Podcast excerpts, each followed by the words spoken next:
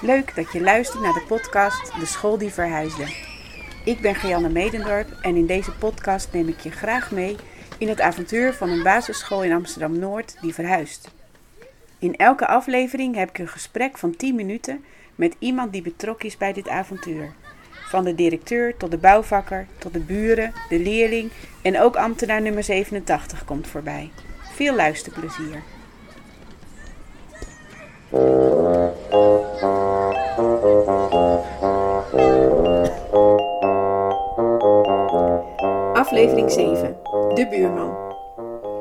Vandaag ga ik kennis maken met de nieuwe overburen. Café Noorderlicht op het NDSM-plein. Ik ga Jasper, de oprichter van Noorderlicht, ontmoeten. Op mijn vraag of ze open stonden voor meedoen aan mijn podcast over de nieuwe overburen, onze school Blijhaven, kreeg ik een enthousiaste reactie terug. Maar een beetje spannend vind ik het wel. Jaspers LinkedIn-foto laat een man zien die op mij overkomt als een kruising tussen een piraat en een kunstenaar.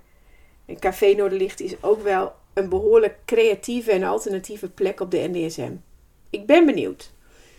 Ik ben nieuwsgierig naar hun ontstaansgeschiedenis, naar de naam. Het Noorderlicht zien is een van de weinige dingen die op mijn bucketlist staan.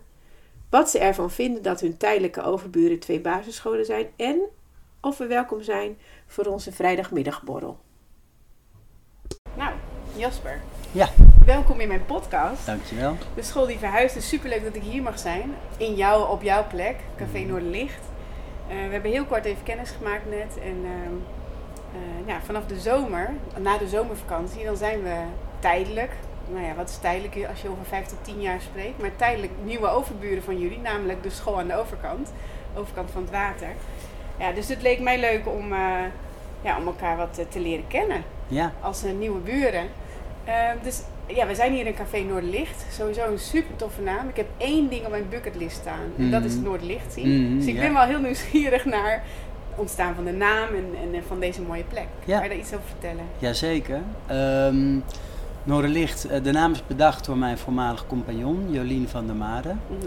Uh, zij is uh, in het jaar 2000, meen ik, gevraagd door um, de oprichters van de broedplaats NDSM Mhm. Om hier tijdelijke horeca te faciliteren. Uh, zij had toen destijds plannen om dat op het Stenen Hoofd te doen. Ja, aan de overkant? Aan de overkant. Alleen door buurtprotest en aarzelende gemeenteambtenaren kwam dat niet van de grond. Mhm. Nou, zoals je ziet op het Stenen Hoofd is dat nog steeds het geval. Klopt, dus, ja. eh, er zit af en toe een pop-up juist, een restaurantje, juist, juist. dan is dat weer weg. Ja, ja. nou en eh, omdat zij haar planvorming uh, was best ver, Ja. heeft ze toen in plaats van het Stenen Hoofd ervoor gekozen om de houten kop hier te bouwen op het Mhm. grasveld naast Noorderlicht. En de houten kop bestond uit een houten stuurhut als wat, wat decor was van het Monsterverbond, theatergezelschap in de loods. Ja. Uh, en zij bouwde dat af met strobalen, klei, heel duurzaam. En ze had het idee om dan uiteindelijk de houten kop naar het plekje van Noorderlicht te transporteren. En deze koepelconstructie, waar Mhm. ons dak van is gebouwd, uh, er overheen te zetten als een soort winterterras. Ja. En uh, deze koepelconstructie, dat is een Romney-loods, die stond al in de scheepsbouwloods te wachten op een nieuwe bestemming. Dus Ah. Van het stenen hoofd is het houten kop geworden. Houten kop heeft twee seizoenen gedraaid. En in die seizoenen was ik als, nou ja, laten we zeggen, als ondernemer mijn eerste bedrijfje aan het bouwen in de loods. Mhm. Ik heb een mobiel soundsysteem gebouwd in een Ape 50, een Piaggio. Mhm. Ook wel Oh ja. bekend als Mhm. Sisi-wagentje. Een heel klassiek wagentje uit de jaren 70. En omdat ik dat hier aan het bouwen was, want er was hier veel ruimte en dat kostte toen nog niet zoveel geld. Ik, heb volgens mij twee kratjes bier aan iemand eh, betaald voor 25 vierkante meter. Toen kon dat nog. Eh, toen kon dat nog. Ja. Eh, leerde ik haar kennen, want Ja. ik was haar eerste klant en ik kwam er iedere dag. Ik heb zelfs mijn verjaardag uiteindelijk daar nog een keer gevierd. Ja. Ehm, en tot mijn grote verdriet vloog de houten kop in de brand. Of aangestoken, of elektra, dat weten we nog niet. Nog steeds niet. Nee. Dus er moest eigenlijk een nieuw gebouw komen. De koepelconstructie was er al. Nou, eh, uiteindelijk is dus eh, met de stichting eh, van de broedplaats, Kinetisch Noord, besloten om hier een nieuw pand te bouwen. En drie maanden voordat dat open ging, ben ik met Jolien, ben ik partner van haar geworden. Ah. Omdat degene met wie zij het wilde doen, plotseling overleed in zijn slaap. Dus dat was nogal een, een, sch- een schok. Ik ben er toen ingestapt zonder enige ervaring. Mhm. Jolien had wel wat ervaring, maar ook niet de ervaring voor een heel groot horecaproject zoals dit. Dus we hebben heel veel moeten leren. Eh, Was het nou bij de plek? ja, Toch? eigenlijk wel. Kijk, we, we konden gewoon wel eh, stapsgewijs eh, ervaring opdoen. Ja. Alleen, ja, iedereen weet, in de zomer is Noorderlicht gewoon mega druk. En in de winter was het des- destijds heel stil. Dus de dynamiek van het bedrijf is gewoon heel ingewikkeld. Het is te vergelijken met een strandtent. ja. Maar terugkomend op de naam, zij heeft de naam Noorderlicht bedacht. Toen ze dat uitsprak bij mij thuis, van ik wil het Noorderlicht noemen. Toen had ik wel het gevoel van, hé, hey, dat wordt iets heel bijzonders. En ik wil daarbij betrokken zijn. En ik zat in de evenementenwereld. Ik kon redelijk goed dingen aanvoelen en organiseren van, nou, dit, dat kan wel een succes worden. En dat is wat ik het bedrijf in heb kunnen brengen. Naast alles wat ik de afgelopen jaren heb moeten leren. Eh, dus de voorkant, de energie van de zaak, Ja. het programma, de uitstraling. En daarin hadden jullie en ik een hele goede eh, gedeelde visie. Mhm. Namelijk eh, met respect voor je omgeving ondernemen. Geen nieuwe dingen kopen als je ze ook ergens kunt vinden of Ja. tweedehands. Ja. Dus Noorderlicht is echt opgebouwd uit hergebruikte materialen. We kijken ook heel goed naar de kaart en de keuken. Dat we daarin de juiste producten voeren. Mhm. En En hebben- juist is dan... nou, eh, die dus zo min mogelijk impact hebben. Ja. En dat hebben we in de loop der jaren behoorlijk eh, tot, tot in de finesses uitgewerkt. Mhm. Met de chef en met mijn huidige zakenpartner Krijn, Krijn van Zanten. Mhm. Ehm, dus we zijn binnen het horecalandschap ook pioniers. Niet alleen op de locatie, maar ook hoe we met eten, drinken en ons programma omgaan. Ja, mooi. En dan komt er tegenover jullie een basisschool. Ja. Nou ja, niet zomaar ineens. Jullie zitten hier natuurlijk al heel lang en wij Hmm. komen maar net kijken. Ja, Maar ik, la, ik, eh, een, nou, ik denk een jaar geleden hadden we het net in het voorgesprekje over. Toen zag ik een post van jullie van, oh de stad komt dichterbij. Eh, de, hè, de, de kavel aan de overkant wordt nu echt klaargemaakt. Hoe, hoe is dat, dat dat gebeurt en dat er dan een basisschool komt, zelfs twee? nou, ik, ik, hoor, ik spreek natuurlijk wel mensen die hier dan af en toe komen. Ja. Of die eh, veel reizen, of die na een paar jaar weer eens de NDSM-werf bezoeken.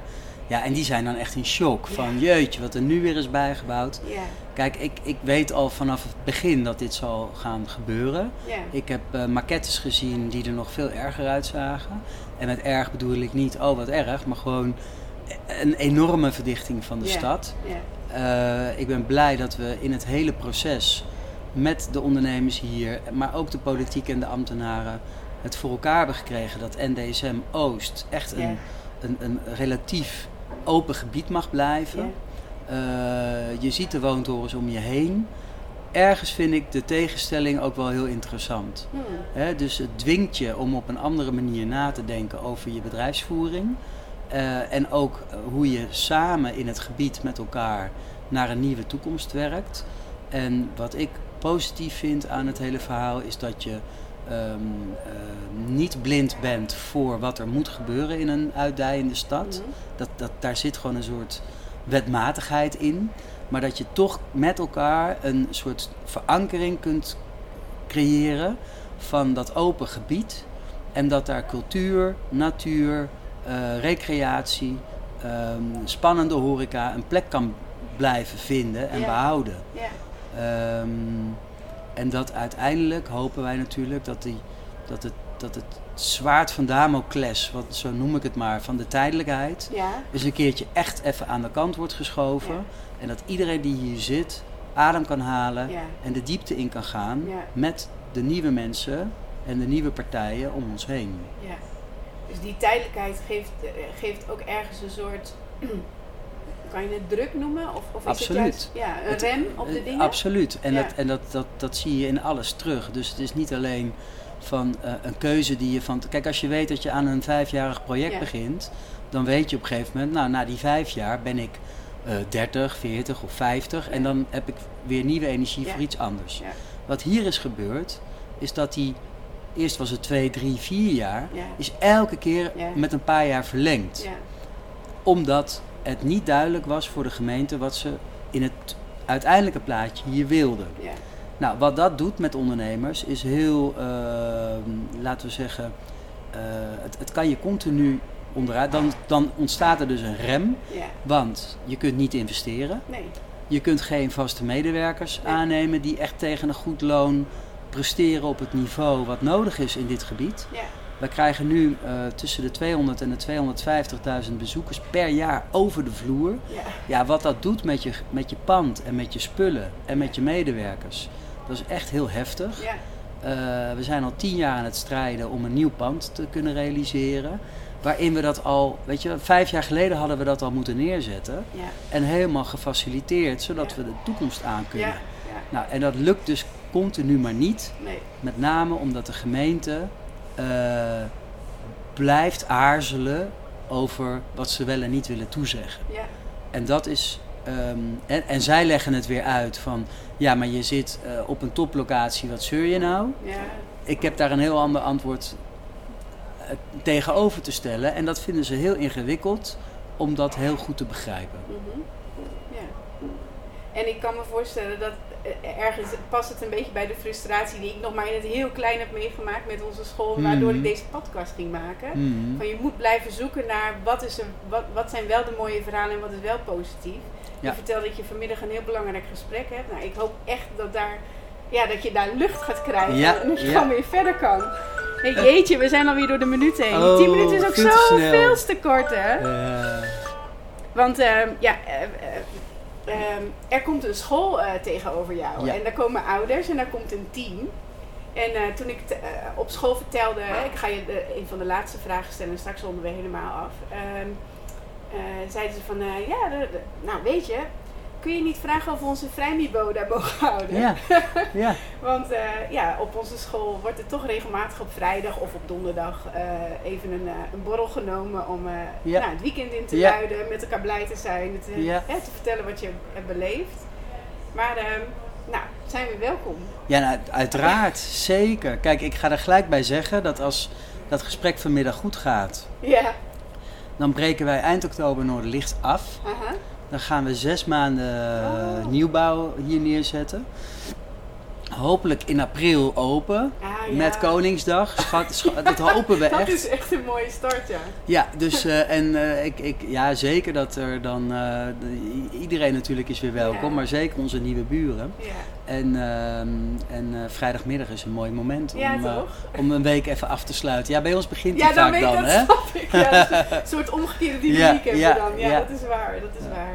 Nou, dat hoop ik ook, maar ook leuk, interessant voor ons om dan dat te zien gebeuren. Dat Ja. proces van afbraak Ja, en weer opbouw. Wij gaan jullie school gebouwd zien worden Ja. en jullie gaan Noorderlicht Op- tegen de vlakte. Ja. Ja. en opnieuw gebouwd zien worden. Ehm, ja, mijn, moed, mijn schoonmoeder die heeft eh, altijd de gewoonte om een, eh, om een cake mee te, mee te, om te bakken en mee te nemen naar nieuwe buren. Die heb ik nu niet bij me. Oh, Maar ik wil je wel beloven dat we volgend jaar, want we krijgen een keuken in onze school, Ja, dat we daar een keer eh, iets lekkers gaan maken en dat hier komen brengen. heel leuk. En dan, dan door de kinderen zelf, want die, die gaan daar leren hoe ze de, dingen kunnen maken. Ehm, en tot slot ehm, wil ik je vragen, eh, die vraag stel ik eigenlijk aan alle mensen met wie ik de podcast heb. Als je nou aan onze nieuwe school denkt en die komt daar dan, wat zou dan jouw wens voor onze school zijn? Nou, het feit dat jullie een keuken in het gebouw plaatsen, dat vind ik al een heel, heel goede stap. Want ik denk dat het essentieel is dat kinderen leren over, over voeding, hun lichaam, gezondheid. Wat is nou lekker versus eh, goed? Ja, Eh, wij geven zelf ook veel les op eh, de ROC, eh, Ah. hier op ROC Top. Dus dat is dan het, eh, het beroepsonderwijs. Het lijkt mij heel leuk om te kijken of we ook misschien iets met de kinderen kunnen uitwisselen. ja, Eh, want het, het begint gewoon in de basis. ja. En, eh, en voeding, voedsel, de ingrediënten.